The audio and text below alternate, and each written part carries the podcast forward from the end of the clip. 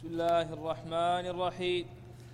الحمد لله رب العالمين وصلى الله وسلم وبارك على نبينا محمد وعلى آله وصحبه أجمعين. اللهم اغفر لنا ولشيخنا ولمشايخه ووالديه وذريته يا رب العالمين. قال الإمام ابن باز رحمه الله تعالى الدرس الثاني عشر. شروط الوضوء شروط الوضوء وهي عشرة. الأول الإسلام والثاني العقل والثالث التمييز والرابع النية. والخامس استصحاب حكمها بألا ينوي قطعها حتى تتم طهارته. والسادس انقطاع موجب, موجب الوضوء والسابع, والسابع استنجاء أو استجمار قبله. والثامن طهور طهورية ماء وإباحته والتاسع إزالة ما يمنع وصوله إلى البشرة والعاشر دخول الوقت للص... دخول وقت الصلاة في حق من حدثه دائم. بسم الله اللهم صل على محمد. قال المؤلف رحمه الله تعالى الدرس الثاني عشر شروط الوضوء. الوضوء له شروط. لا يصح الوضوء إلا بها والشرط كما تقدم لغة هو العلامة واصطلاحا ما يلزم من وجوده العدم اصطلاحا ما يلزم من عدمه العدم ولا يلزم من وجوده وجود ولا عدم لذاته. مثال ذلك الطهارة. عدم الطهارة يلزم من عدمها عدم صحة الصلاة. ولا يلزم من وجود الصلاة وجود الطهارة أن يصلي. يلزم إذا توضأ الإنسان يلزمه أن يصلي إلا الفريضة. ولا يلزم كذلك من وجوده عدم لذاته. فالخلاصة أن هذه الشروط لا بد منها وإلا لا يصبح الوضوء صحيحا. الإسلام لا يقبل الله تعالى عملا إلا بالإسلام. والعقل المجنون مسقوط سقط عنه التكليف. رفع القلم عن ثلاثة. والتمييز كذلك. تمييز يكون في حدود السبع أو الست. مروا أبناءكم بالصلاة لسبع واضربوهم على عشر.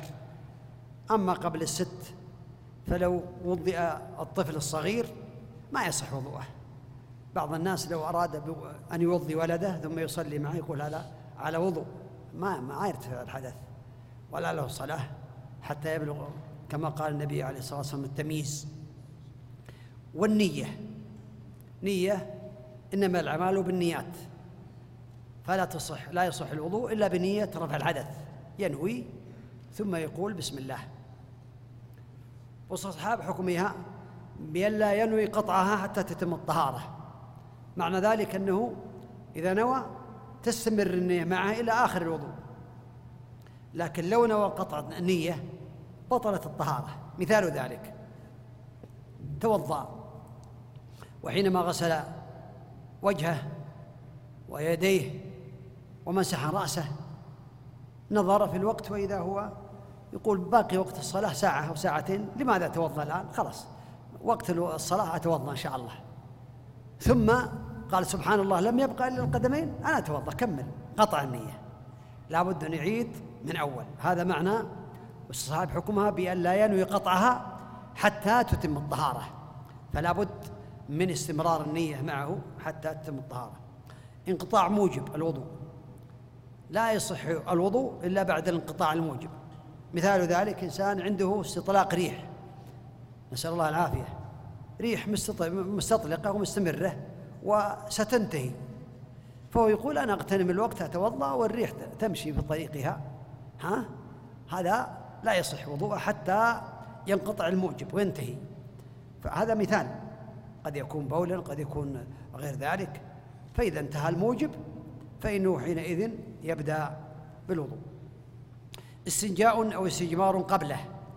الاستنجاء والاستجمار من شروط الوضوء التي تكون قبله حتى لو بعدت.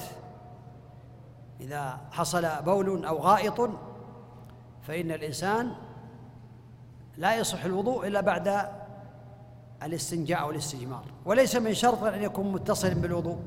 مثال ذلك إنسان استيقظ بعد الفجر وتوضأ وصلى صلاة الفجر ثم بعد ذلك أحدث بال أو غير ذلك من الخارج من السبيلين ثم استنجى ولم يتوضأ. وبقي إلى صلاة الظهر. فإن هذا الوضوء إذا أراد أن يتوضأ في الظهر قد سبقه استنجاء يكفي الاستنجاء الأول. ولهذا قال استنجاء أو استجمار قبله. والاستجمار بالحجارة وما يقوم مقام الحجارة. لكن الاستنجاء يكفي لإزالة الخبث. وأما الاستجمار فلا بد من أن يكون ثلاثا فأكثر ثلاث مسحات. فإن لم تنقي فخمس فإن لم تنقي فسبع حتى ينقي سواء كانت بالحجارة أو بالمناديل الخشنة يكفي الاستنجاء. الخلاصة أن الاستجمار لا يلزم أن يكون مع الوضوء لكن يلزم أن يكون بعد البول أو الغائط. لا بد أن يكون قبل الوضوء بول أو غائط. أما الريح وأكل لحم الإبل ومس الفرج قبلا أو دبرا والنوم فهذا لا يوجب استنجاء لا يوجب الاستنجاء وإنما الاستنجاء يكون من الخارج من السبيلين. طهورية ماء هذا الثامن. طهورية ماء لا بد أن يكون طهورا ما يكون نجسا تغير طعمه أو لونه أو ريحه بنجاسة فهذا يكون نجسا لا يكون طهورا. أما التغير بالأشياء الطاهرة فلا بأس تغير لونه بشاهي أو بلبن أو بغير ذلك لكنه لا يخرجه عن كونه يكون ماء تغير لون يسير. أما إذا تغير اللون تغيرا حتى يقال هذا ماء أو هذا مرق أو هذا شاي خلاص تغير هذا طاهر. هذا يكون من أنواع الطاهر ولا يقال له ماء صواب أن أنواع الماء نوعين طهور ونجس. أما تغير اللون بالطهارة لا يضر. لكن إذا تغير اللون حتى صار طاهرا صار لبنا مرقا شاهي وغير ذلك هذا لا يقال له ماء يقال له باسمه المعروف. إذن هذا طهورية ماء. وإباحته هذا العاشر. وإباحة الماء بأن يكون مباحا ما يكون مسروقا ولا مغصوبا ولا يستخدم ممنوعا من الأخذ. هذا لا يصح. لكن الإنسان لا يتوضأ إلا بما مباحا. والحادي عشر قيل عشرة لأن من باب التغليب. إزالة أو بأنه ذكر طهورية ماء وباحته يعني العاشر. اثنين الأمر واسع. وإزالة ماء ما يمنع وصوله للبشرة. لا بد أن يزيل الإنسان ما يكون على الأعضاء. من العجين أو البوية أو الأشياء التي لها جسم أو المناكير على أظفار النساء تزال وإلا لا تصح الطهارة حتى يزال هذا الحائل بين البشرة وبين الطهارة. دخول الوقت دخول وقت الصلاة في حق من حدثه دائم لفرضه. هذا صاحب السلس استطلاق الريح أو البول نسأل الله العافية لنا ولكم. أو المستحاضة باستمرار. هذا ينتظر في الوضوء حتى يدخل وقت دخول الصلاة. فإذا أذن المؤذن دخل الصلاة يتوضأ ويتحفظ إذا كان خشي أن يلوث المسجد أو تلوث المسجد. ثم يصلي ولو كان يعني الحدث جاريا. لأنه توضأ بعد دخول الوقت. ودخول وقت الصلاة في حق من حدثه دائما لفرضه. أما لو توضأ قبل دخول الوقت لا يصح وضوءه لكن يكون بعد دخول الوقت. فإذا دخل الوقت وتوضأ استنجى وتحفظ وتوضأ فإنه حتى لو يخرج هذا الخارج وهو يصلي صلاته صحيحة والحمد لله لا يكلف الله نفسا إلا وسعها. يصلي هذا الفرض والنوافل وما يصلي من النوافل ما شاء إلى دخول وقت الصلاة الثانية. ما لم يأتي ناقض آخر. فإذا جاء ناقض آخر فيتوضأ للناقض الآخر لا لهذا الناقض. إذن هذا معناه قول دخول وقت الصلاة في حق من الحدث دائما شروط الصلاة لا يقبل الوضوء إلا بهذه الشروط العشرة أو الأحد عشر. نعم. قال رحمه الله تعالى الدرس الثالث عشر فروض الوضوء فروض الوضوء وهي ستة. الأول غسل الوجه ومنه المضمضة والاستنشاق. والثاني غسل اليدين إلى المرفقين والثالث مسح جميع الرأس ومنه الأذنان والرابع غسل الرجلين مع الكعبين والخامس الترتيب والسادس الموالاة. ويستحب تكرار غسل الوجه واليدين والرجلين ثلاث مرات وهكذا المضمضة والاستنشاق والفرض من ذلك مرة, مرة واحدة. أما, أما مسح الرأس فلا يستحب تكراره كما دلت على ذلك الأحاديث الصحيحة. هذا الدرس الثالث عشر فروض الوضوء أركان الوضوء. قال لها فروض ويقال لها أركان لا بد منها لا تصح الصلاة إلا بهذه الفروض. الأول غسل الوجه ومنه المضمضة والاستنشاق. فغسل الوجه فريضة. والمضمضة والاستنشاق تدخل في ذلك في غسل الوجه. لأن النبي عليه الصلاة والسلام أمر بالمضمضة وأمر بالاستنشاق وكذلك يدخل مع ذلك الاستنثار يستنثر. وغسل اليدين مع المرفقين هذا الفرض الثاني أو الركن الثاني. ومسح جميع الرأس ومنه الأذنان يمسح جميع الرأس يجعل يده بمقدمة رأسه ثم يذهب بهما إلى قفاه ثم يرجعهما إلى المكان الذي بدا منه ثم يجعل سباحتين في الأذنين والإبهامين من خلف الأذنين هكذا. هذا فرض. فيمسح الرأس مرة واحدة إدبارا وإقبالا مع الأذنين مع ملس الأذنين. وماء الأذنين يكون من ماء الرأس لا يجدد ماء جديدا وإنما يكتفي بما بقي في يديه مسح الرأس. إلا إذا نشفت يديه. هذا نشفت يداه فهذا أمر آخر. وغسل الرجلين مع الكعبين. لا بد أن يغسل الرجلين مع الكعبين. هذه الفروض الأربعة. دل عليها قوله تعالى يا أيها الذين آمنوا إذا قمتم إلى الصلاة فاغسلوا وجوهكم وأيديكم إلى المرافق وامسحوا برؤوسكم وأرجلكم إلى الكعبين.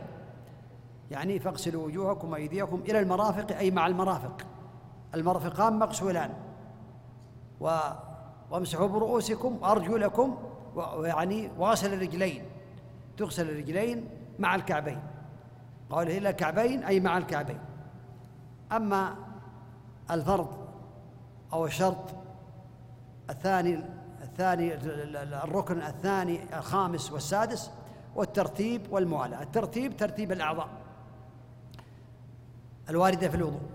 فلا يغسل الوجه قبل لا يمسح الرأس قبل أن يغسل الوجه ولا يغسل وجهه قبل آه، ولا يغسل يديه قبل وجهه وإنما بالترتيب كما جاء في الآية. والموالاة بأن يغسل العضو قبل أن يجف العضو الذي قبله. لا يتأنى حتى يجف العضو الأول يغسل العضو الثاني قبل أن يجف الذي قبله. والدليل على ذلك صاحب اللمعة. النبي عليه الصلاة والسلام رأى رجلا في ظهر قدميه لمعة كالظفر فأمره عليه الصلاة والسلام بإعادة الوضوء. وفي رواية أمره بإعادة الوضوء والصلاة. فلو كان ذلك جائزا لأمره أن يغسل هذه اللمعة ويكفي. لكن لا بد من الموالاة لأنها نشفت الأعضاء فأمره أن يعيد الوضوء ويعيد الصلاة عليه الصلاة والسلام. والفرض من ذلك في هذه الفروض مرة واحدة. لأن النبي عليه الصلاة والسلام توضأ مرة مرة وتوضأ مرتين مرتين وتوضأ ثلاثا ثلاثا وهو الأفضل. ولهذا من توضأ ثلاث مرات هو الأفضل. توضأ عثمان رضي الله عنه من حديث عمران ثلاثا ثلاثا ثم قال سمعت النبي عليه الصلاة والسلام أو رأيت النبي صلى الله عليه وسلم توضأ نحو وضوء هذا. ثم قال من توضأ نحو وضوء هذا ثم صلى ركعتين لا يحدث فيما نفسه إلا غفر الله له ما تقدم من ذنبه. إذا هذا هو الأفضل أن يكون الغسل ثلاث مرات ثلاث مرات. فإن اقتصر على واحدة فلا بأس. فإن اقتصر على اثنتين كذلك. فإن غسل بعض الأعضاء ثلاثا وبعضها مرتين أو بعضها مرتين وبعضها واحد لا بأس. لكن الأفضل أن يغسل ثلاثا ثلاثا كما سمعتم. نعم.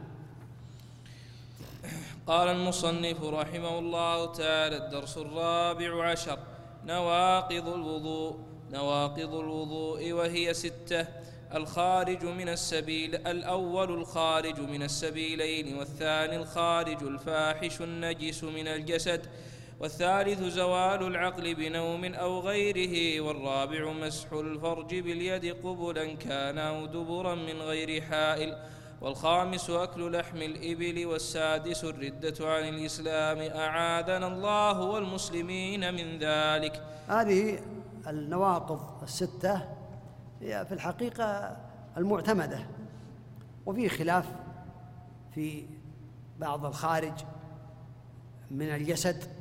غير البول والغائط فإذا كان الخارج من الجسد النجس من غير مخرج البول والغائط هذا ينقض لا شك. لكن إذا كان غير البول والغائط كالصد الدم الكثير والصديد الكثير وغير ذلك هذا ينقض عند جمع عند جمع من أهل العلم. وهو الأحوط المسلم أن يتوضأ من هذه من هذه الأمور الستة أما الخارج من السبيلين فأدلة واضحة. وأما الخارج الفاحش الخارج من السبيلين كالبول والغائط والريح والودي والمذي وغير ذلك من الخوارج. والخارج الفاحش النجس من الجسد النجس كالبول والغائط يخرج من غير مخرجه نسأل الله العافية. هذا ينقض الوضوء. أما إذا كان غير البول والغائط في خلاف لكن الأرجح أنه ينقض الوضوء. وزوال العقل بنوم وغيره النوم المستغرق. أما النوم الذي لا يستغرق خفقات نعاس هذا لا ينقض لكن النوم الذي يزيل العقل. فإذا زال العقل واستغرق الإنسان في النوم انتقض الوضوء سواء كان جالسا أو مطيعا أو متربعا أو على أي حال كان. على الصواب والصحيح. بعض الناس رأيت في بعض المساجد. إنسان نام يمكن ساعة كاملة يوم الجمعة. ثم آه، أمر أن يتوضأ. فقال له واحد من ليس عليك وضوء. لأنك أو ليس عليه وضوء لأنه كان متربعا. من أين أتيت بهذا الدليل؟ النبي عليه الصلاة والسلام قال بين بأن النوم ينقض الوضوء. فكيف؟ فإذا استغرق الإنسان في الوضوء لأنه جاء في الحديث وإن كان فيه مقال لكن معناه صحيح. قال وكاء العين وكاء السهي. فإذا نامت العينان استطلق الوكاء وإن كان في مقال لكن معناه صحيح المعنى صحيح. فزوال العقل بنوم وغيره ينقض الوضوء. ومس الفرج باليد قبلا كان أو دبرا من غير حائل. مس فرجه قبلا أو دبرا كان سواء كان ذكرا أو أنثى. كان في أول الإسلام لا ينقض ثم استقر الأمر في حديث بشرى بأنه ينقض الوضوء من مس ذكره فليتوضأ أي بدون حائل. أما مع الحائل من فوق الثوب أو من فوق السروال أو غير ذلك لا يضر وإنما يمس الفرج بدون حائل ينتقض الوضوء. الخامس أكل لحم الإبل. هذا ينبغي ألا ينظر إلى الأقوال الأخرى لأنه ثبت في البخاري وغيره. النبي عليه الصلاة والسلام سئل يا رسول الله أنا أتوضأ من لحوم الغنم؟ قال إن شئت. قال أنا أتوضأ من لحوم الإبل الإبل؟ قال نعم. وفي رواية توضأ من لحوم الإبل ولا تتوضأ من لحوم الغنم. إذا هذا يدل على أن أكل لحم الإبل ينقض الوضوء لا شك في ذلك. والردة عن الإسلام أعاذنا الله وإياكم منها. فإن الإنسان إذا ارتد عن دينه والعياذ بالله بطل بطل العمل ولو أشركوا لحبط عنهم ما كانوا يعملون. ثم ذكر المؤلف رحمه الله تعالى التنبيه الذي تسمعونه. نعم.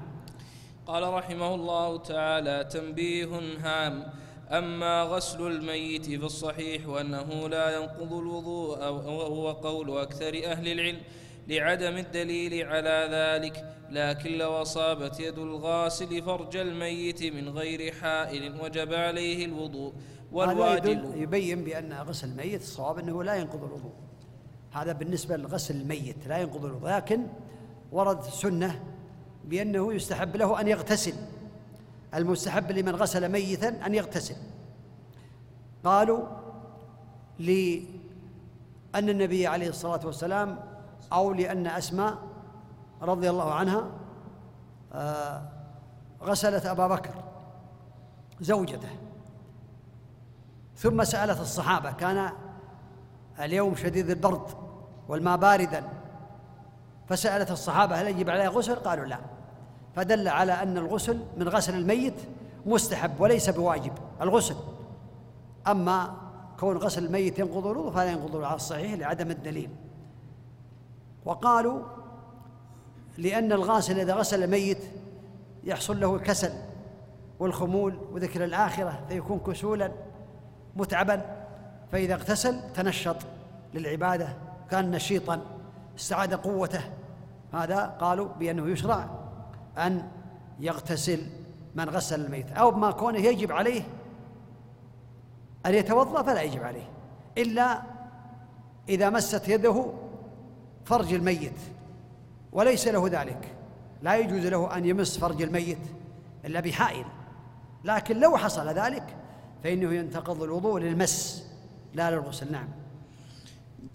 قال رحمه الله تعالى والواجب عليه ألا يمس فرج الميت إلا من وراء حائل وهكذا مس المرأة لا ينقض الوضوء مطلقا سواء كان ذلك عن شهوة أو غير شهوة.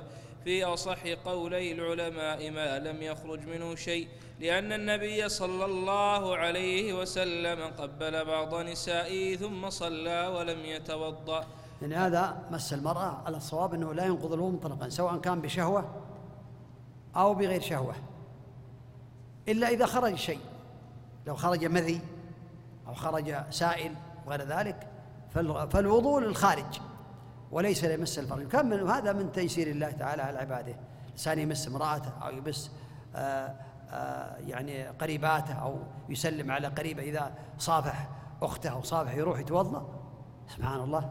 هذا فالصواب أنه لا ينقض الوضوء إلا إذا خرج شيء فيتوضأ للخارج. نعم.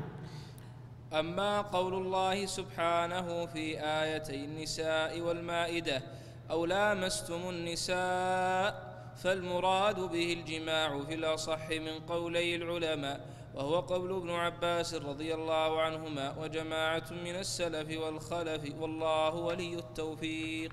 رحمه الله. هذا رسالة محققة يعني محررة. غفر الله له ورحمه وهنيئا له على هذه الرسالة. يغبط عليها رحمه الله. نفع الله بها الناس في أقطار الأرض. رسالة نافعة. صغيرة في حجمها كبيرة في معناها. نعم. الدرس الخامس عشر التحلي بالأخلاق المشروعة لكل مسلم. التحلي بالأخلاق المشروعة لكل مسلم ومنها الصدق والأمانة والعفاف والحياء والشجاعة والكرم والوفاء والنزاهة عن كل ما حرم الله. وحسن الجوار ومساعدة ذوي الحاجة حسب الطاقة وغير ذلك من الأخلاق التي دل عليها الكتاب أو السنة التي دل الكتاب أو السنة على مشروعيتها. هذه الأخلاق التي ينبغي للمسلم أن يتحلى بها ويعمل بها. ذكر منها أحد عشر خلقا هنا وهي الأخلاق كثيرة. كرم الصدق كما قال النبي عليه الصلاة والسلام بين أن الصدق يهدي إلى الجنة والصدق يهدي البر والبر يهدي إلى الجنة ولا يزال الرجل يصدق ويتحرى الصدق حتى يكتب عند الله صديقا وأن الكذب يهدي إلى النار ويأتي إن شاء الله والأمانة يكون أمينا على أموره أمينا على عباداته لأنه مؤتمن على صلاته على زكاته على دينه. هذه أعظم الأمانة. أمين كذلك على ما بينه وبين الناس من ودائع ومن غيرها يكون أمينا. والعفاف يكون عفيفا بعيدا عن القاذورات بعيدا عن المحرمات بعيدا عن النظر إلى النساء بعيدا عن الدنس والحياء. الحياء لا, لا يأتي إلا بخير يكون حييا يستحي. فهذا من الأخلاق الجميلة والشجاعة. شجاعة قد تكون قولي قد تكون معنوية وقد تكون حسية. في الحسية شجاعة في القتال لأعداء الله تعالى قوة القلب. الصحابة كانوا من أعظم الناس شجاعة وأشجع الناس النبي عليه الصلاة والسلام. ثم الصحابة لأنهم يعلمون أن القتال لا يقرب الموت ولا يبعده. ولهذا قال الله تبارك وتعالى في ما كان لنفس أن تموت إلا بإذن الله كتابا مؤجلا. قال ابن كثير رحمه الله تعالى هذه الآية فيها تشجيع للجبناء. وما كان لنفس أن تموت إلا بإذن الله كتاب مؤجل مهما بلغ الإنسان لا يموت إلا في أجله بأجله الذي حدد الله له. ويكون شجاعا معنويا بالأمر بالمعروف باللسان ونهي عن المنكر بالحكمة والموعظة الحسنة. وكذلك كريما الكرم والجود وبذل ما يحبه الله تعالى كريما في لأهله في النفقة وكريما كذلك في لأضيافه كريما للمسلمين كرم. والوفاء يوفي بالعهود التي بينه وبين الله وبينه وبين الناس. والنزاهة يعني يكون يبتعد عن كل ما فيه قذورات كل ما يبغضه الله تعالى ونزاهة عن كل ما حرم الله وحسن الجوار إذا كان له جار يعلم بأن الجار له حقوق ويحسن جواره. لهذا قال النبي عليه الصلاة والسلام ما زال جبريل يوصيني بالجار حتى ظننت أنه سيورثه ومساعدة ذوي الحاجات أو الحاجة حسب الطاقة يساعد يعين يرجو ثواب الله. وغير ذلك من الأخلاق التي دل عليها الكتاب والسنة. نعم. ذكر نماذج رحمه الله تعالى ولا الأخلاق كثيرة. نعم. قال رحمه الله تعالى الدرس السادس عشر التأدب بالآداب الإسلامية ومنها السلام والبشاشة والأكل باليمين والشرب بها والتسمية عند الابتداء والحمد عند الفراغ والحمد بعد العطاس وتشميت العاطس إذا حمد الله. وعيادة المريض واتباع الجنائز للصلاة والدفن والآداب الشرعية عند دخول المسجد أو المنزل والخروج منهما وعند السفر ومع الوالدين والأقارب والجيران والكبار والصغار والتهنئة بالمولود والتبريك بالزواج والتعزية في المصاب وغير ذلك من الآداب الإسلامية في اللبس والخلع والانتعال. ذكر رحمه الله تعالى أنه ما يقارب عشرين أدبا مثالا ونماذجا. الأول السلام السلام البدء به سنة معروف عند العلماء ورده واجب. النبي عليه الصلاة والسلام قال أفشوا السلام. عليه الصلاة والسلام. عبد الله بن سلام قال أول ما رأيت النبي عليه الصلاة والسلام ورأيت وجهه علمت أن وجهه ليس وجه كذاب.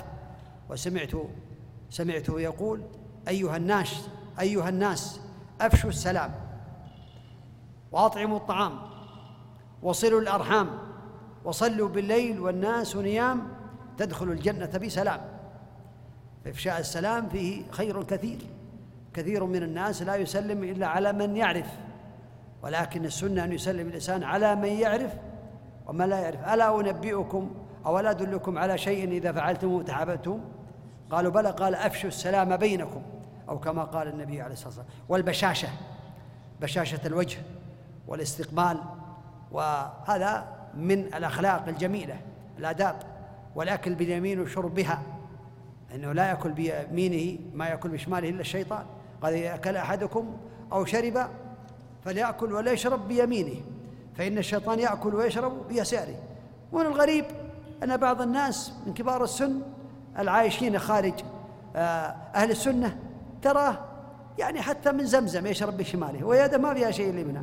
تعود ما تعود على هذا الأدب المبارك.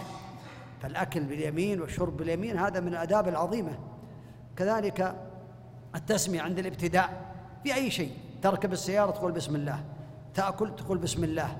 تعمل أي عمل تقول بسم الله. أي بسم الله أعمل هذا العمل. تقرأ القرآن بسم الله. والحمد عند الفراغ. يعني عند الفراغ من آه، الطعام أو عند الفراغ من الشراب أو عند الفراغ من الأعمال الصالحة. يعني من الآداب يقول الحمد لله. يعني لأنه الذي وفقك وعانك على هذا العمل فتحمده سبحانه وتعالى على هذا الخير. والحمد بعد الطعام. بعد بعد العطاس إذا عطس يقول الحمد لله.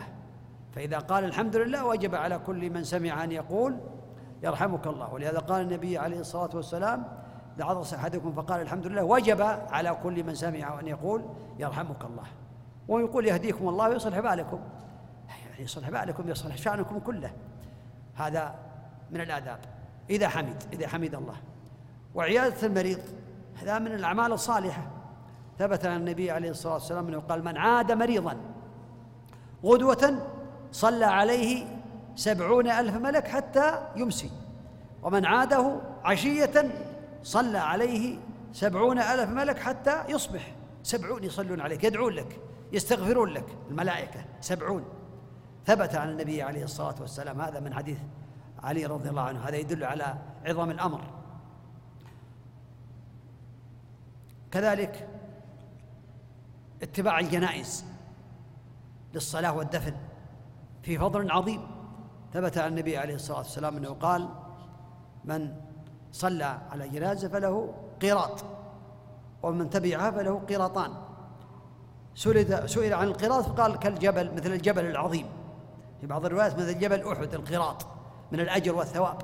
فإذا صلى عليها كان له القيراط وإذا تبع حتى تدفن ويفرغ من دفنها كان له قيراطان كالجبلين العظيمين من الأجر والثواب. هذا من الآداب العظيمة التي غفل عنها كثير من الناس. ولهذا قال أبو هريرة حينما قالوا أكثر علينا أبو هريرة فسئل بعض الصحابة فصدقوا أبا هريرة فقالوا قال ابن عمر كان يأخذ من الحصباء ويضرب بها الأرض ويقول لقد فرطنا في قراريط كثيرة لقد فرطنا في قراريط كثيرة فرط.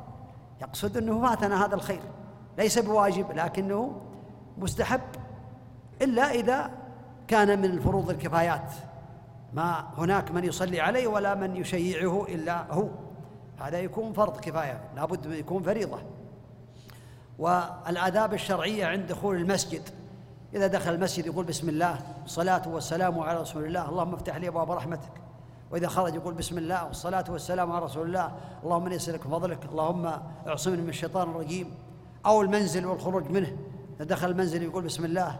اللهم إني أسألك خير المولد وخير المخرج. بسم الله ولجنا بسم الله خرجنا وعلى الله رب وعلى الله ربنا توكلنا. إذا خرج يقول بسم الله. توكلت على الله ولا حول ولا قوة إلا بالله. هذا آداب عظيمة. وعند السفر قول دعاء السفر.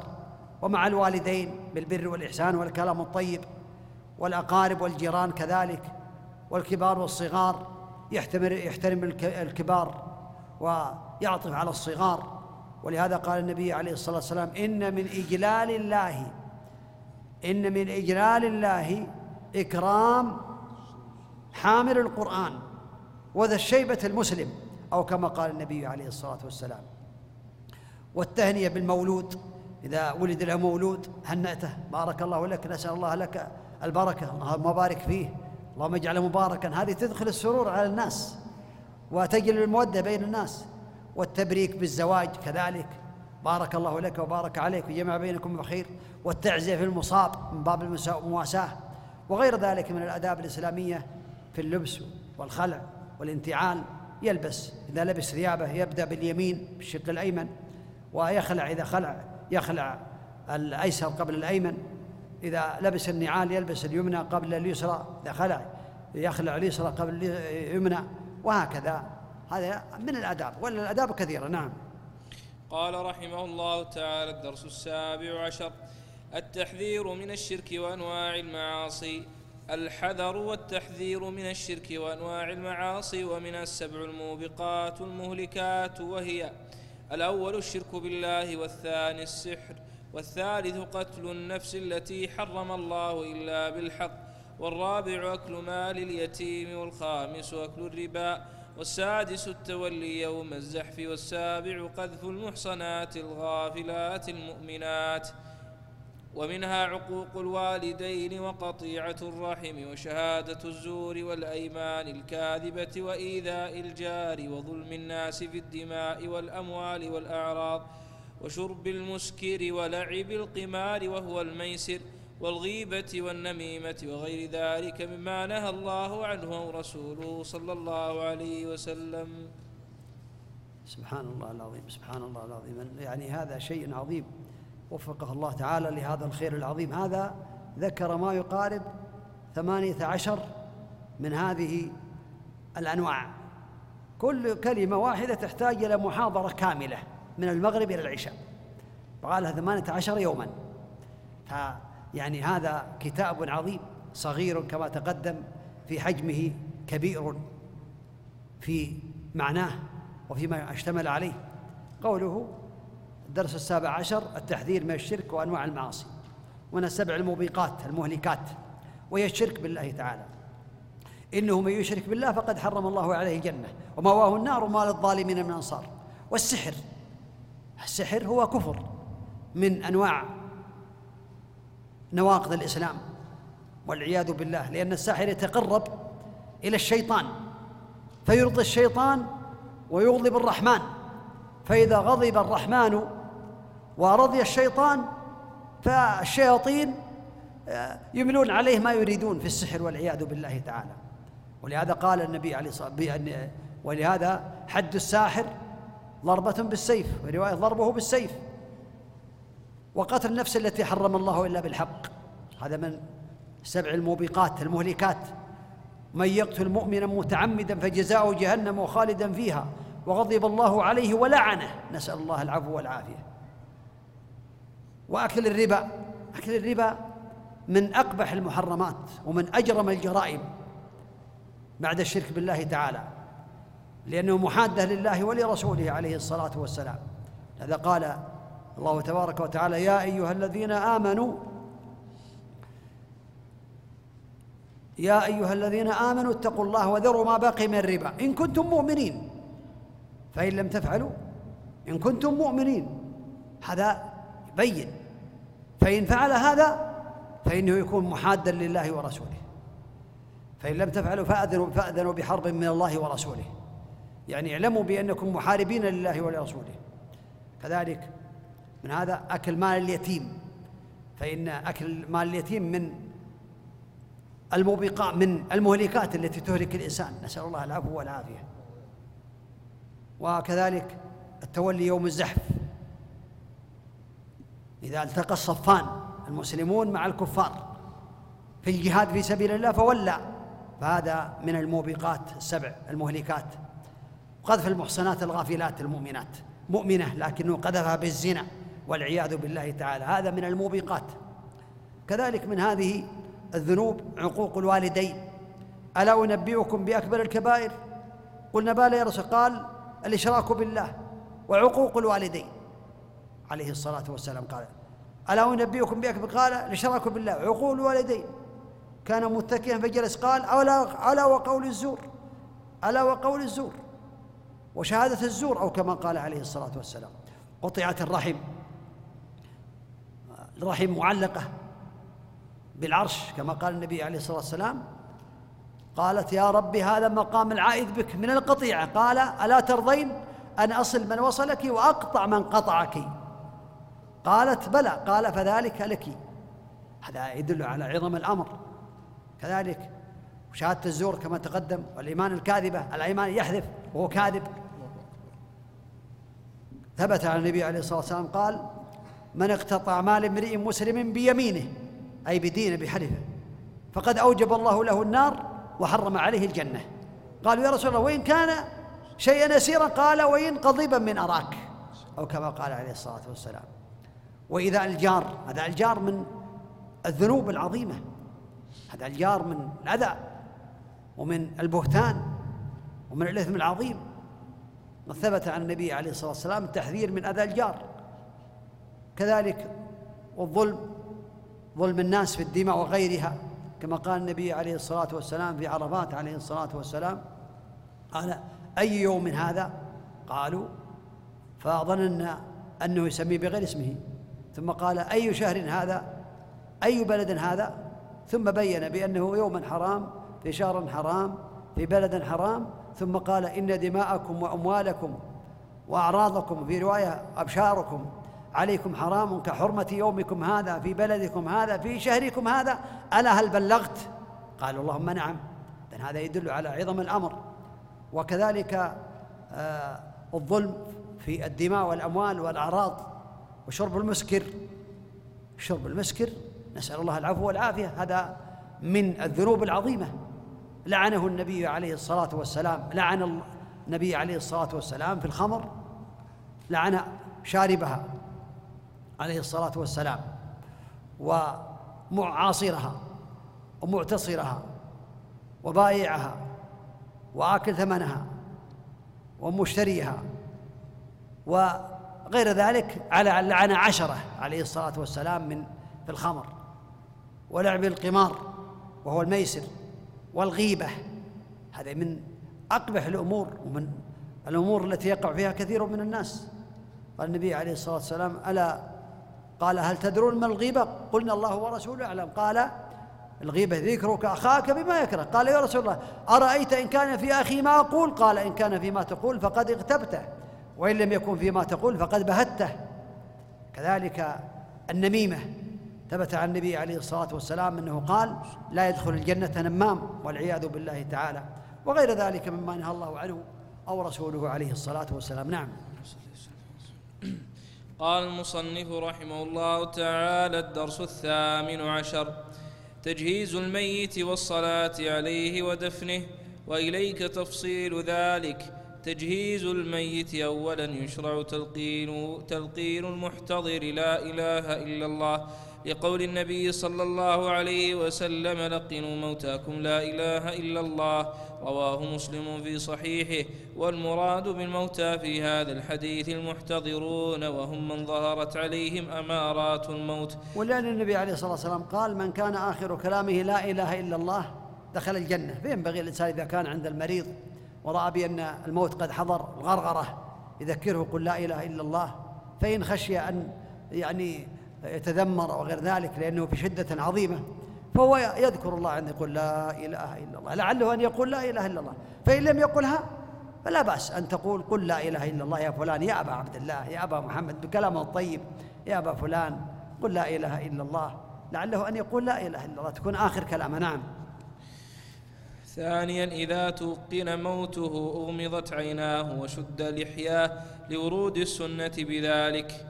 ثالثا يجب تغسيل الميت المسلم إلا أن يكون شهيدا مات في المعركة فإنه لا يغسل ولا يصلى عليه بل يدفن في ثيابه لأن النبي صلى الله عليه وسلم لم يغسل قتلى أحد ولم يصلي عليهم الشهيد لا يغسل لأنه يبعث يوم القيامة ودمه يثعب ريحه ريح المسك ولونه لون الدم فلا يكفن. ولا يغسل ولا يصلى عليه وإنما يكفن في ثيابه التي مات فيها يكفن في ثيابه التي مات فيها نعم. رابعا صفة غسل الميت أنه تستر عورته ثم يرفع قليلا ويعصر بطنه عصرا رفيقا ثم يلف الغاسل على يديه خرقة خرقة أو نحوها فينجيه بها ثم يوضئه وضوء الصلاة ثم يغسل رأسه ولحيته. ترسل ترسل نعم. لأن هذا ما انكثر شرحه لأن الآن الحمد لله تغسيل الموتى موجود في المغاسل فترسل حتى يفهم بدون شرح بدون تفصيل. نعم.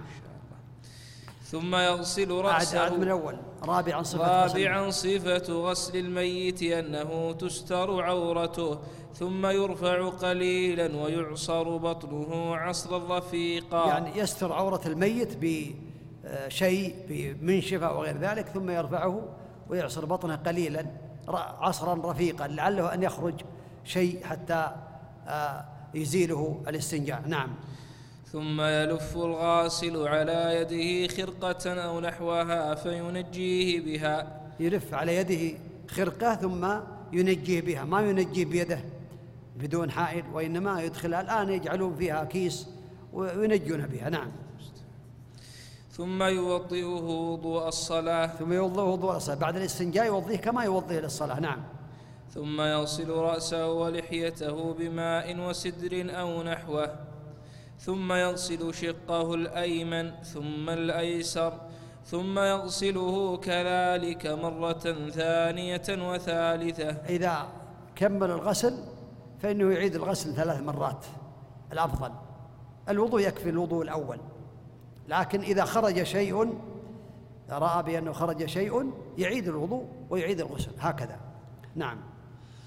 يمر في كل مرة يمر في كل مرة يده على بطنه فإن خرج منه شيء غسله وسد المحل بقطن أو نحوه فإن لم يستمسك فبطين حار أو بوسائل بطين حر. يمكن عندك خطأ مطبوع. بطين حر يعني طين خالص. نعم. نعم. فبطين حر أو بوسائل الطب الحديثة كاللزق ونحوه. نعم. ويعيد وضوءه وإن لم ينق بثلاث زيد إلى خمس أو إلى سبع ثم ينشفه بثوب ويجعل الطيب في مغابنه ومواضع سجوده. وإن طيبه كله كان حسنا ويجمر أكفانه بالبخور. يعني بالطيب يجمر أكفانه يعني بالعود يجمر أكفانه يطيبها بالعود. نعم. نسأل الله أن يحسن عاقبتنا وإياكم. نعم. كان. وإن كان شاربه أو أظفاره طويلة أخذ منها وإن ترك ذلك فلا حرج. والأفضل الإنسان أن يعنى بنفسه قبل أن يعتنون به الناس. إذا كان له شارب طويل النبي عليه الصلاة والسلام قال بل لم يأخذ من شاربه فليس منا. وأظفاره كذلك يعنى بذلك. لكن لو مات الميت وشاربه طويل أو أظفاره طويلة لا بأس أن يقصر الشارب وتقصر الأظفار. أما العانة فلا. العانة لا يأتي إليها ولم يرد في ذلك دليل ولا يحلق عانة. نعم. ولا ينتفع إبطة. نعم. ولا يسرح شعره ولا يحلق عانته ولا يختنه لعدم الدليل على ذلك. والمرأة يظفر شعرها ثلاثة قرون ويسدل من ورائها. نعم وكذلك الرجل لو كان له رأس فإنه يسدل خلف ظهره يجعل ثلاث قرون ويسدل خلف ظهره. نعم. خامسا تكفين الميت. الأفضل أن يكفن أن يكفن الرجل في ثلاثة أثواب بيض ليس فيها قميص ولا عمامة. كما فعل بالنبي صلى الله عليه وسلم يدرج فيها إدراجا وإن كفن في قميص وإزار ولفافة فلا بأس والمرأة لكن تكفن. الأفضل لكن الأفضل في ثلاث أثواب في ثلاث لفائف يلف فيها. نعم. والمرأة تكفن في خمسة أثواب في درع وخمار وإزار ولفافتين. ولفافتين والواجب في حق الجميع ثوب واحد نعم يستر. نعم نعم ولفافتين والواجب في حق الجميع ثوب واحد. لا هنا فيه نقص في الكلام. ويكفن الصبي في ثوب واحد إلى ثلاثة أثواب وتكفن الصغيرة في قميص ولفافتين ليس عندك؟ مو بعندي يعني. ساقط لا الأمر سهل. حتى لو كفن الإنسان الواجب يكفن في ثوب واحد في لفافة واحدة كافي. لكن الأفضل ثلاثة نعم. والواجب نعم. والواجب في حق الجميع ثوب واحد يستر جميع الميت. لكن إذا كان الميت محرما فإنه يغسل بماء وسدر ويكفن في إزاره وردائه أو في غيرهما. ولا يغطى رأسه ولا وجهه ولا يطيب لأنه يبعث يوم القيامة ملبيا. يبعث المحرم يوم القيامة ملبيا. والإنسان يذكر بهذا نهايته. قد يلبس لباسه حينما يخرج من بيته ويخلع يخلعه غيره فينتبه ويأخذ احتياطه ويذكر الموت دائما. كما قال النبي عليه الصلاة والسلام أكثروا من ذكر هذه باللذات. نعم هكذا عاقبة الإنسان ونهايته نعم. كما صح بذلك. نعم.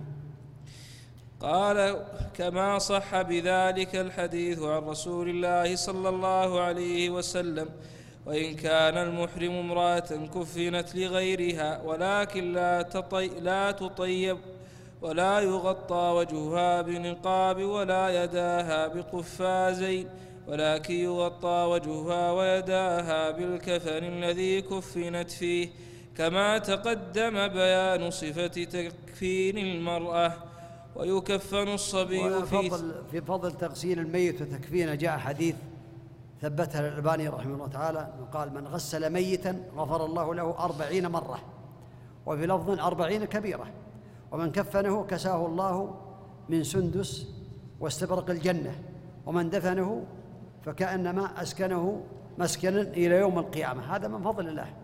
من حفر له حفر قبرا ثم دفن فيه كأنه أعطاه وقف. بيت هذا من فضل الله تعالى على عباده. نعم. ويكفن الصبي في ثوب واحد إلى ثلاثة أثواب وتكفن الصغيرة في قميص ولفافتين. أخر الكلام والصفيف أخذ من الأول حطه في الأخير لا لا لا بأس لكن نعم. سادسا حق الناس بغسله والصلاة عليه ودفنه وصيه في ذلك. ثم الأب ثم الجد ثم الأقرب فالأقرب من العصبات في حق الرجل. والأولى بغسل المرأة وصيتها ثم الأم ثم الجدة ثم الأقرب فالأقرب من نسائها. وللزوجين أن يغسل أحدهما الآخر لأن الصديق رضي الله عنه غسلته زوجته ولأن علي رضي الله عنه غسل زوجته فاطمة رضي الله عنها. لكن لو كان الإنسان في مسجد له إمام وكان له وصي يصلي عليه فهل يتقدم الوصي على الإمام؟ لا. مثل الراجح الآن أو أي مسجد فيه صلوات الجنائز. والميت أوصى أن يصلي عليه فلانا لا يصلي عليه إلا فلان. هذا لا. الإمام النبي عليه الصلاة والسلام قال لا يمر لا يمن الرجل الرجل في سلطانه إلا بإذنه. فالإمام هو الأولى بالصلاة على الجنازة إلا إذا أذن إذا بلغ وقال تسمح وسمح من قلبه لا بأس. نعم. سابعا صفة الصلاة على الميت. يكبر أربعا ويقرأ بعد الأولى الفاتحة وإن قرأ معها سورة قصيرة أو آية أو آيتين فحسن. للحديث الصحيح الوارد في ذلك عن ابن عباس رضي الله عنهما ثم يكبر الثانية ويصلي على النبي صلى الله عليه وسلم كصلاتي في التشهد. ثم يكبر الثالثة ويقول اللهم اغفر لحينا وميتنا وشاهدنا وغائبنا وصغيرنا وكبيرنا وذكرنا وأنثانا اللهم من أحييته منا فأحيه على الإسلام ومن توفيته منا فتوفه على الإيمان اللهم اغفر له وارحمه وعافه واعف عنه واكرم نزله ووسع مدخله واغسله بالماء والثلج والبرد ونقي من الذنوب والخطايا كما ينقى الثوب الأبيض من الدنس وأبدله دارا خيرا من داره وأهلا خيرا من أهله وادخله الجنة واعذه من عذاب القبر وعذاب النار. وافسح له في قبره ونور له فيه. اللهم لا تحرمنا أجره ولا تضلنا بعده. ثم يكبر الرابعة ويسلم تسليمة واحدة عن يمينه. هذا الدعاء حينما سمعه راوي الحديث قال النبي عليه الصلاة والسلام دعا صلى على ميت وقال هذا الدعاء قال حتى تمنيت أني مكانه. تمنى أنه يكون هو الميت لهذا الدعاء العظيم. ينبغي للمسلم أن يحفظ هذا الدعاء. يسير. حتى إذا صلى على الميت يدعو للميت بهذا الدعاء العظيم. نعم. ويستحب أن يرفع يديه مع كل يعني هذه صفة الصلاة على الميت. ينبغي المسلم أن يتعلمها دائما. كبر التكبيرة الأولى يقرأ الفاتحة. والأفضل أن يقرأ معها سورة قصيرة. الأفضل. أو بعض الآيات. إن تيسر. وإن لم يفعل فالحمد لله. ويكبر التكبيرة الثانية ويصلي على النبي عليه الصلاة والسلام كما يصلي في الصلاة. ويكبر التكبيرة الثالثة ويدعو للميت بهذا الدعاء. أو بما تيسر إن لم يحفظ هذا الدعاء. ويكبر التكبيرة الرابعة ويسلم عن يمينه تسليمة واحدة. نعم. وإذا كان الميت امرأة يقال اللهم اغفر لها إلى آخره وإذا كانت الجنائز اثنتين يقال اللهم اغفر لهما إلى آخره. وإن كانت أكثر من ذلك قال اللهم اغفر لهم إلى آخره. أما إذا كان فرطا فيقال بدل الدعاء له بالمغفرة. اللهم اجعله فرطا وذخرا لوالديه وشفيعا مجابا. اللهم ثقل به موازينهما وأعظم به أجورهما وألحقه بصالح سلف المؤمنين. واجعله في كفالة إبراهيم عليه الصلاة والسلام. وقه برحمتك عذاب الجحيم. نعم اللهم صل على نعم. والسنة أن يقف الإمام حذاء رأس الرجل. ووسط المرأة وأن يكون الرجل مما يلي الإمام إذا اجتمعت الجنائز والمرأة مما يلي القبلة. وإن كان معهم أطفال قدم الصبي على المرأة ثم المرأة ثم الطفلة. ويكون رأس رأس الصبي حيال رأس الرجل. ووسط المرأة حيال رأس الرجل. وهكذا الطفلة يكون رأسها حيال رأس المرأة. ويكون وسطها حيال رأس الرجل ويكون المصلون جميعا خلف الإمام إلا أن يكون واحدا لم يجد مكانا خلف الإمام فإنه يقف عن يمينه. هذا من فضل الله تعالى على العباد على الميت وعلى الحي. ففضل الله تعالى على الحي من فضل الله على الحي أنه إذا صلى على الميت يكتب له قراطين. إذا صلى عليه وشيعه من صلى على ميت فله قراطان. من صلى عليه فله قراط ومن تبعه شيعه فله قراطان. كل قراط مثل الجبل العظيم. هذا للحي. وللميت ثبت عن النبي عليه الصلاة والسلام أنه قال من صلى عليه أربعون لا يشركون بالله شيئا إلا شفعهم الله فيه. هذا من فضل الله تعالى. الحديث الآخر قال ما من مسلم يصلي عليه أمة يبلغون مئة إلا شفعهم الله فيه. فقال العلماء في هذا أن هذا كان أولا أن من صلى عليه مئة شفعوا فيه. ثم تفضل الله وجاد بكرمه وجوده إلى أن من صلى عليه أربعون غفر الله له شفعهم الله فيه. هذا من فضل الله تعالى على عباده. نعم.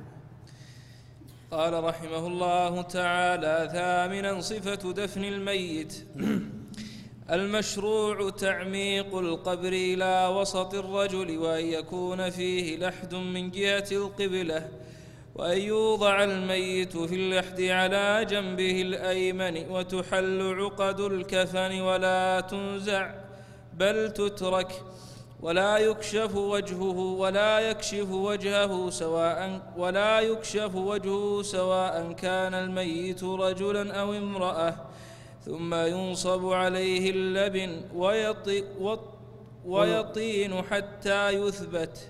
ويطين نعم. ويطين حتى يثبت ويقيه التراب. فإن لم يتيسر اللبن فبغير ذلك من ألواح أو أحجار أو خشب يقيه التراب. الله المستعان نحو نعم. ثم يهال عليه التراب ويستحب أن يقال عند ذلك بسم الله وعلى ملة رسول الله. الوارد في ذلك أنه إذا وضع في قبره يسل من قبل رجليه ويقال بسم الله وعلى ملة رسول الله. نعم. نعم.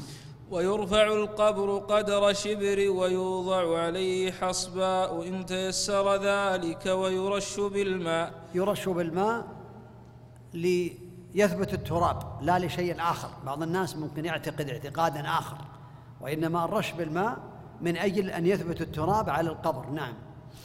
ويشرع للمشيعين أن يقفوا عند القبر ويدعوا للميت لأن النبي صلى الله عليه وسلم كان إذا فرغ من دفن الميت وقف عليه وقال استغفروا لأخيكم واسألوا له التثبيت فإنه الآن يسأل. الله أكبر الله أكبر. يسأل في قبره وأنت منتهي إذا انتهيت من قبرك إذا انتهيت من إهالة التراب عليه وفرغت من القبر.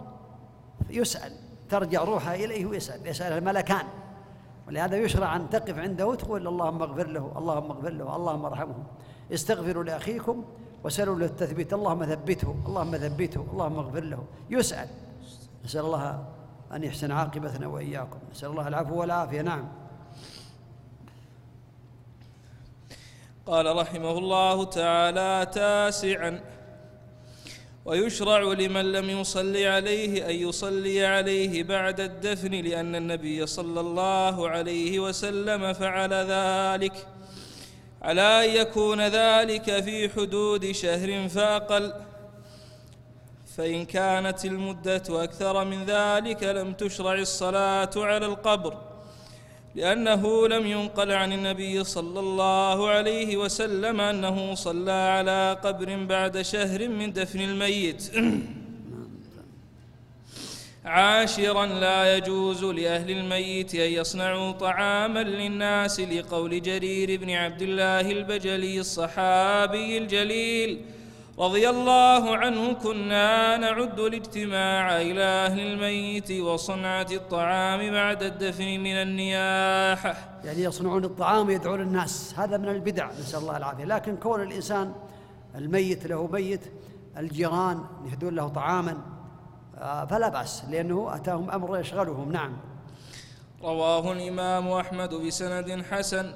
أما صنع الطعام لهم أو لضيوفهم فلا بأس ويشرع لأقاربه وجيرانه أن يصنعوا لهم الطعام لأن النبي صلى الله عليه وسلم لما جاءه الخبر بموت جعفر بن أبي طالب رضي الله عنه في الشام أمر أهله أن يصنعوا طعاما لأهل جعفر وقال إنه أتاهم ما يشغلهم.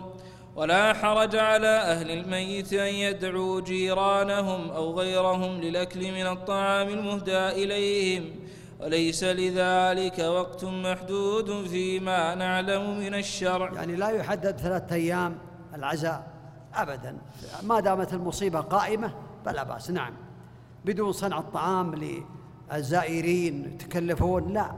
هذا جيران يصنعون ما تيسر ولا يدعون. بعض الناس يجعل حفلات يقول أنتم آه، من الغداء عليه اليوم على فلان ويدعون يتصلون تعالوا تغدوا عندنا عندنا عزم ويستقبلون استقبال كأنه زواج.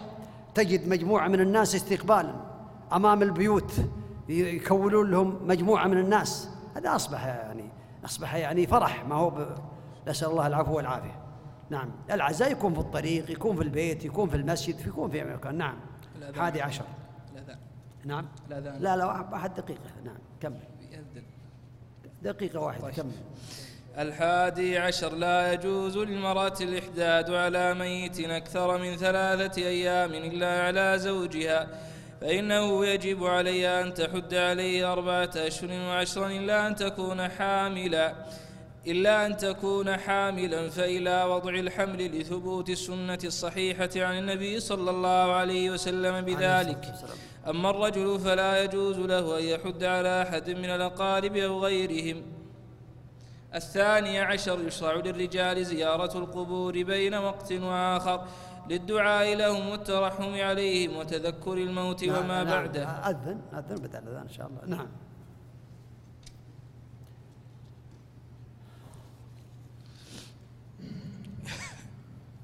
الله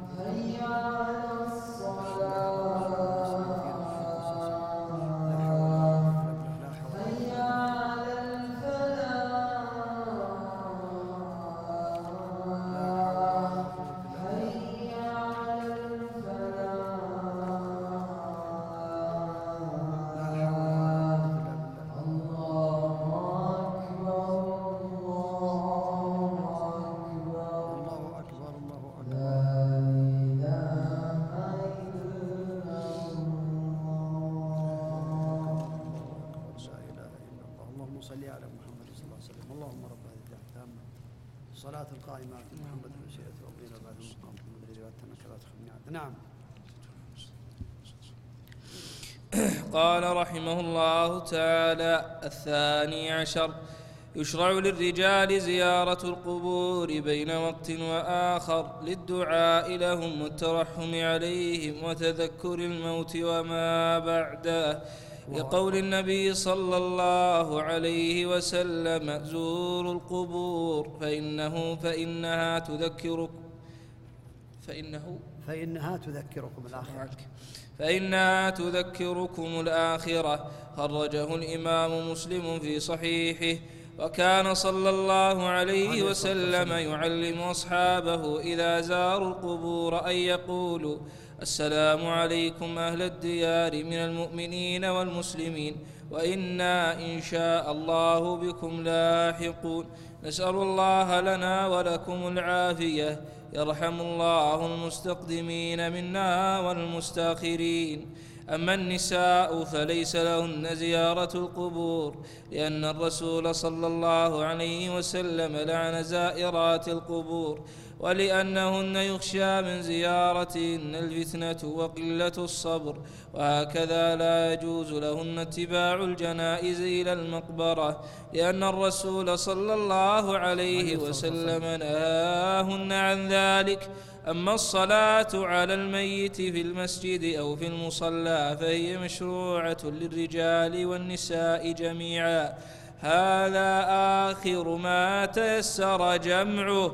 وصلى الله وسلم على نبينا محمد وآله وصحبه. غفر الله له غفر الله له. هذا الباب الأخير الثاني عشر. يشرع للرجال زيارة القبور. لأن النبي عليه الصلاة والسلام قال زوروا القبور فإنها تذكركم الآخرة. فزيارة القبور تشرع لأمور ثلاثة. الأمر الأول لأن النبي عليه الصلاة والسلام قال زوروا القبور. تنفيذا لأمره عليه الصلاة والسلام وهذا من باب الاستحباب. والأمر الثاني أنها تذكر الآخرة. زوروا القبور فإنها تذكركم الآخرة. والأمر الثالث الدعاء للميت فقد انقطع عمله.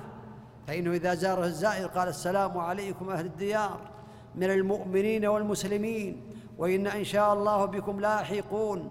يرحم الله المستقدمين منا والمستأخرين نسأل الله لنا ولكم عافية نسأل الله لنا ولكم العافية. فهو يدعو للأموات يستفيدون من هذا الدعاء. وهذه السنن الثلاث هي مشروعة فيزور الإنسان القبور بدون تحديد في يوم معين ولا في وقت معين كل ما تيسر وبدون شد الرحال. بأن يشد الرحال إلى مكان بعيد. أسأل الله تعالى بأسماء الحسنى وصفات العلى أن ينفعني وإياكم بما سمعنا وأن يرزقنا العلم النافع والعمل الصالح وأن يغفر لشيخنا سماحة الشيخ عبد العزيز بن باز وأن ينفعه بهذا الكتاب الذي عم نفعه والحمد لله للبعيد والقريب وهذا من نعمة الله تعالى ومن فضله عليه وإحسانه له سبحانه وتعالى فهو الموفق والمعين. وما بكم من نعمة فمن الله نسأل الله أن يغفر له وأن ينفع بما كتب وأن ينفع بعلمه إنه على كل شيء قدير وبالإجابة جدير وصلى الله على نبينا محمد.